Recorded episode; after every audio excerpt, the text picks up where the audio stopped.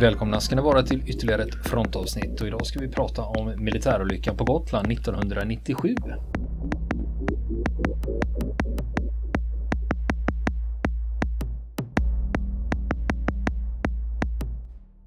Den kan jag ingenting om. Nej, det hade inte jag heller hört talas om för jag råkade springa på det här av en, Mm. av en slump helt enkelt när jag satt och googlade på massa andra grejer. Du får gärna upplysa både mig och lyssnarna om vad Ja, det är du har. precis. För det här är ändå 1997. Då är det ju Ja. svenska försvaret är under nedrustning då. Och det här handlar om värnpliktiga från eh, FMB som är, det är Fårösunds marinbrigad. Och då är det Gotlands kustartilleriregemente KA3 Just det. i Fårösund på norra Gotland det här. Och KA3 Gotlands kustartilleriregemente, KA3 alltså, det var ett regemente som la ner verksamheten och upphörde 2000. Vi hade ju andra förband på Gotland också, Just förr. Just det. Eh, A7, Gotlands artilleriregemente, lades ner 2000. Mm. LV2, Gotlands luftvärnskår, nedlagt 2000. Och sen 2005 lades P18, Gotlands regemente ner. Och med det så la man också ner i stort sett all militär verksamhet på Gotland. Ja, utöver hemvärnet, nationella skyddsstyrkorna då. De fanns ju kvar. Men nu, 2018, då återuppstod Gotlands regemente igen. Just det. Så nu är det på gång igen. Och sen när vi pratar om de där gamla förbandsstäder och gamla beteckningar och sånt. så Jag kan ibland känna mig som en gammal dinosaurie att man kan de här. Ja. Ska vi köra lite frågesport? Ja. Ska vi se vad du kan. Eh, Jag säger beteckningen så ska du säga orten. Oj. Ja, vi får se. Vi börjar. Ja, det här lär ju jag avslöja min okunnighet. Men kör på. Ja, vi börjar. K4. K4, det är väl, eh, är det Vaxholm? Nej, det är Karlsborg. Alltså, Arvidsjaur säger teaterviskningen över bordet här. Det Ja, du hör. K4 Arvidsjaur. Ja. Ja. F6. Flygflottiljen Valluk F6 någonstans. Ängelholm, Karlsborg. Karlsborg, ja. Jaha. I16. I16, är det Halmstad? Ja, Ja, just det det. var ju bra. Det var ett rätt i alla fall här. Ja, det- Får kommer framstå de som en fullständig idiot här. Ja, nej, eftersom jag själv gjorde lumpen i flyget så Ja. kan ju alla, nej, ja, de flesta flygflottiljerna i alla fall. Ja. Men om vi tar några som finns idag då. Mm. P7. P7 Revinge, Ja, helt rätt. F7. F7. Eh, hjälp, vad heter, jag har ju varit där. Eh, ja, Såtenäs, Såtenäs ja. Ja, just Ja. det. Ja, uppe vid Vänern där, ja. Ja, Lidköping. där har jag Ja. haft bekanta som har bott på basen så att Ja. Den här det har då. varit flitigt. Ing 2. Ing 2, Eksjö förstås. Eksjö gjorde jag lumpen i fast inte på Ing 2 utan Nej, på det var, I12. ja, det var därför jag tog med det. Jag tänkte den kan han i alla fall. Ja, det kan jag. Ja, det är lurigt. Eh, men det är roligt att rabbla sådana gamla grejer. Ja. Men nu är vi tillbaks 1997 och antalet värnpliktiga som rycker in, det, det är ju på nedgående då. Just det. Från att ha varit 55 000 på 80-talet så är det liksom sjunkande. Eh, och just det här året, 97, då var det 32 000 som ryckte in. Så det är fortfarande Mm. Det är många ganska fortfarande. många. Va? Och nu ska vi prata om en händelse som inträffar strax efter klockan 15 och då är det på eftermiddagen den 21 april 97. Då är det värnpliktiga från andra batteriet på Fårö marinbrigad. De övar kolonnkörning med terrängbil 11. Och just eh, terrängbil 11, TGB 11, det är ju många som har fått, det här i Sverige, som har fått åka med den. Just det. Eh, den är fyrhjulig och tillverkades mellan 1974 och 1984. Och det är en sån klassiker, jag vet ju om att det är många som gillar den. Sen fanns ju också TGB 13, eh, då hade man sex hjul och sen TGB 20 som, och, och sexhjulig. Men det var ännu större, det ännu mer lastförmåga då. Ja. Och 20 19, bilar. 1983, då vann faktiskt en TGB 11 Paris-Dakar-rallyt i klassen lastbilar under 10 ton. Det är stort. En sån sak. Ja. Det är stort. Fast då var det under den civila beteckningen Volvo C303. Ja. Så det fick inte heta terrängbil 11 där. Och det är ju nästan en kändisbil, alltså det dyker ju upp i svenska filmer som ja, Rep månad. Ja, precis.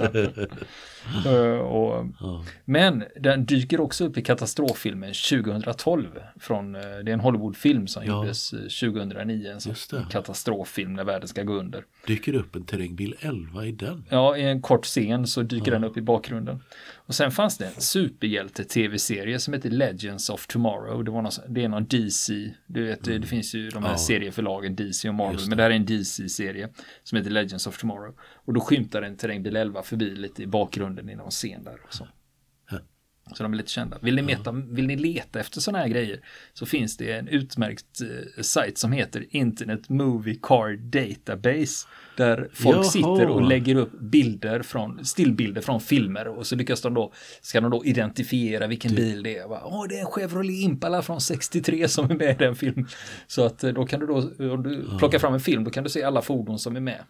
Eh, Eller så, gör ungefär, du, eh, eller så gör du tvärtom och så plockar du fram ett fordon och så ser du vilka filmer som den här bilen har varit med i. Då. Det är som trainspotting fast på en helt annan nivå. Liksom. Ja. Eh, sen har vi också Internet Movie Firearms Database där det, alla vapen som är med i filmer och tv-serier finns med. Så om du ser någon krigsfilm eller någonting, eh, krigsfilm tog jag bara som exempel. Men, och du vill se, men undrar vad det är för pickadoll. Då kan du gå till den Internet Movie Firebase eh, eller Firearms Database och, och liksom söka på den filmen. Då står det bilder då på alla vapen som finns med. Då. Lasersvärd, rebellerna. ja, just det. Ja, det är bra att veta. Då är det viktigt om den är grön eller röd. Just det, just det. Det är bra. Men om vi ska prata mer om terrängbil 11 då. Det är ju en vidareutveckling av Valpen. Alltså terräng, mm, vad heter det? personlast terrängbil 903 PLTGB 903. Och den var ju tjänst 1961 till 1974. Och det här smeknamnet som den hade, Valpen, det är ibland felaktigt tänkt med att en del har kallat terrängbil 11 och 13 för Valpen. Ja. Och det är alltså Just det. Fel, fel, fel, fel, fel. Men eh, man eh, kallar de här, eh, de här, eh, de här terrängbil 11, 13 och 20, man kallar dem för 11 bil, 13 bil eller 20 bil. Det. Så att då är, eh, då är det, det är mera det, är det korrekta då. Eh, nu ska jag inte gå in på fler detaljer om de här terrängbilarna för det finns flera olika versioner av dem och underversioner av de här också. Så att ju mer jag pratar om dem desto större är risken att eh, man sn- snöar in sig på detaljer och då är då det blir fel. Men vi ska prata om två personer nu. Man håller på med en kolonnkörning på Gotland 1997 här. I, I april. Med terrängbil 11 då. Ja. Och i en av de här terrängbilarna då sitter Fredrik Martinsson på vänster sida. Ja. Han på förarsidan.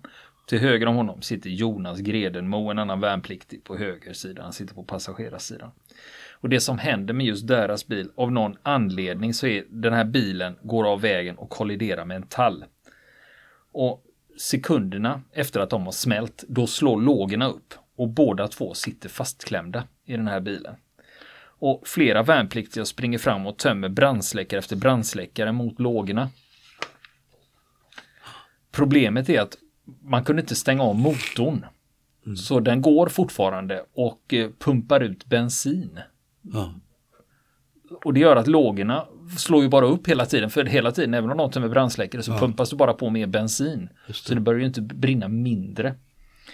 Och man försöker få upp passagerardörren då för att få ut Gredenmo då. Och då tar man yxar och spadar och spett och försöker bryta upp den här dörren. Och det är helt omöjligt. De får inte upp dörren. Han sitter där inne fastklämd. Och, och bilen brinner. Men på andra sidan, föraren då, Martinsson, hans dörr har gått att få upp så han hänger med kroppen utanför dörren. Och det enda som håller honom kvar i bilen, Ja. det är högbenet. Det sitter nämligen fastkilat mellan förarsätet och den knäckta styrstången. Så han sitter fastklämd och bilen brinner. Och elden växer sig kraftigare och det är tryckande hetta här. Och nu kommer det två värnpliktiga upp på vänster sida som ska få loss Martinsson som hänger med halva kroppen ut då. De här värnpliktiga som kommer fram, de heter Kasper Pettersson och Daniel Müller. Och Müller berättar efteråt att det slog upp kolossala lågor omkring honom och först var jag panikslagen men sen blev jag lugn i kroppen. Jag tänkte bara vad måste jag göra för att få ut honom? Och jag hade en yxa så jag sprang fram med den till Fredrik och skrek "Eh, Vi måste hugga av ditt ben. Det, för bilen brinner va och det här pågår länge va. Det är flera minuter och, som det här pågår. Det bara brinner mer och mer. Och eh, Fredrik som sitter inne i bilen, Fredrik Martinsson, han är i chock. Eh, och nu brinner det på hans ben och på hans rygg. Så han håller ju på att fatta eld här va. Ja. Och han bad, nej inte än, han vill ju inte bli av med benet va. Han vill försöka lite, jag vill försöka lite till. Se till att få ut Gredenmo här istället. Men Martinsson som sitter fastklämd där. Till slut inser han ju själv att det här går inte längre. Bilen kommer snart att explodera. Och det värsta var då när han, kände, när han såg hur det droppade plast från instrumentbrädan ner på vänsterbenet då. Och det fräste men han känner ingen smärta. Mm. Och då tänker han, nej men fan, nu måste jag ut.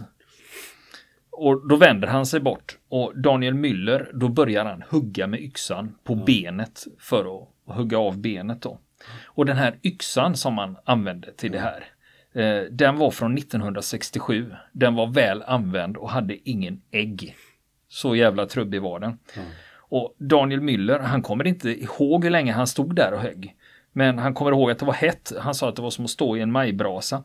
Och han fick brännskador i ansiktet och på händerna. Och då kommer hans eh, kamrat där, Kasper Pettersson, och byter av. Mm. Och efteråt så berättar han då att jag bara matar hugg. Jag förstod att jag inte hade något val. Det var benet eller livet. Jag tänkte bara att jag ska hugga under knät för att det skulle bli lättare att fästa en protes efteråt. Mm. Och Fredrik Martinsson som sitter i bilen. Mm. Han säger så här att han känner hur slagen träffar ett efter ett, men han känner ingen smärta. Och han berättar efteråt att han, han kände en lättnad när han kände benpipan gav. Det var som att allt gled ner och trycket släppte. Och det, från det att de smällde och bilen började brinna till dess att de lyckas hugga av honom benet och dra ut honom så har det gått tio minuter. Mm. Som han har suttit i en brinnande bil då. Eller ja, halva kroppen hängde utanför då. Men eh, och sen Kasper som har varit med och hugga av benet och han berättar att jag kommer ihåg sista slaget när det bara var byxorna kvar att slå av. Det var en skön känsla att lyckas få loss honom. Jag tänkte att nu är det gjort. Och efter fem minuter, de får ut honom och efter fem minuter så kommer ambulansen. Och då är bilen helt övertänd och eh, Gredmo som satt kvar i bilen, han avlider. Han överlever inte det här då. Men Pettersson, han lägger om benpipan med sitt första förband och som värnpliktig har man alltid första förband i mm. höger benficke. Just det. Mm. Och man kunde då höra att ambulanserna inte var långt borta. Och Martinsson han fördes i ambulans till Visby lasarett och hade han tredje gradens brännskador och ett avhugget ben. Och han blev senare flyttad till universitetssjukhuset i Linköping. Och där har de ju en jättekänd brännskadeklinik så de riktigt svåra brännskadeoffren i Sverige får ju komma till Linköping för behandling då. Och Martinsson, han låg i respirator och han var sövd i tio dagar. Och när han vaknade på valborgsmässoafton då mindes han direkt vad som hade hänt och förstod att hans kamrat Gredemo inte hade klarat sig. Och efter ett par veckor då fick Pettersson och Müller träffa Martinsson vid sjukhussängen. Och han hade ju ganska svåra skador efter att ha suttit tio minuter inne i en brinnande bil. Så att eh, det krävdes tre stora operationer för att täcka de 32-procentiga brännskadorna med ny hud. Och efter ett antal månader på sjukhus då kom Martinsson tillbaka till verkligheten. Men då var det ju protes då istället för högerbenen samt stora ärm på armarna och bålen. Och det var en intensiv rehabiliteringstid för att bygga upp kroppen igen då. Och eh, året efter då återvände alla tre till platsen för olyckan på Gotland.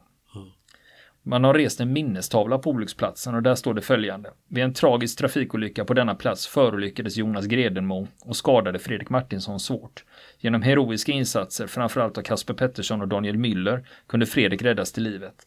Denna sten är rest för att hedra de inblandades insatser och att minnas Jonas Gredenmo, värnpliktig och kamrat, chefen andra batteriet. Och för den här insatsen då fick Pettersson och Müller senare motta medaljer Eh, den medaljen de fick det var för berömliga gärningar i guld, femte storleken. Och medaljen delades ut av dåvarande försvarsministern, Björn von Sydow var det på den tiden. Och år 97 så mottog Pettersson och Müller belöningsmedaljen Pro Merito av Tempelriddarorden för sina insatser. Men Eh, sen är det ju så att TV4 och Aftonbladet de samarbetar kring en gala som heter Svenska hjältar och där utser man hjältar i olika kategorier och det kan vara årets livräddare, årets medborgare och så har de också kategorin årets skyddsängel. Och det var ju den här kategorin som Kasper och Daniel fick ta emot priset 2007. Och det, det här var ju första gången man höll den här galan överhuvudtaget så då är det väl okej okay att det är en tio år gammal gärning som får vara, vara med då. Och den 16 december då, 2007, då mottog Pettersson och Müller priset Svenska hjältar på Cirkus i Stockholm. Med juryns motivering, Kasper Pettersson och Daniel Müller är svenska hjältar 2007 för att de med stor sinnesnärvaro räddar livet på en kamrat och deras ingripande saknar motstycke. Och eh, sen undrar man ju hur gick det sen då? Mm. För det här var ändå tio år efter olyckan. Just det. Och då var det Aftonbladet som pratade med de här. Och eh, då frågade de Martinsson att ja, har du någon kontakt eh, med dina räddare? Och då berättade de att ja, Kasper har träffat på krogen ibland. Men Daniel har inte träffat förrän i samband med att tv gjorde ett inslag om mig. Och det vore kul att träffa honom och jag är evigt tacksam för vad de båda gjorde på Gotland 97. Men eh, Fredrik säger också så här att eh, det går inte en dag utan att jag tänker på Jonas som dog, säger han. Nu lever jag mitt liv varje dag för hans skull. Och det är klart att jag är tacksam att jag lever, men jag tvekar inte om jag hade fått välja. Då hade han fått leva istället.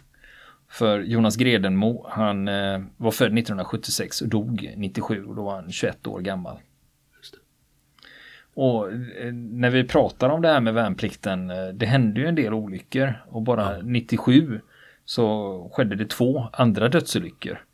Eh, bland annat var det eh, Norrlandsbrigad 21 Sollefteå. En värnpliktig sätter sig ner i ett stridsfordon och lutar sig mot sitt vapen och fyra skott avlossas. Han avlider. Och sen hade vi en värnpliktig på K1 Vaxholm som övar fri uppstigning i en dyktank och han avlider då fyra dagar senare. Så det skedde ju olyckor. Just det. Men det här var den dramatiska historien om livräddningen på Gotland 97.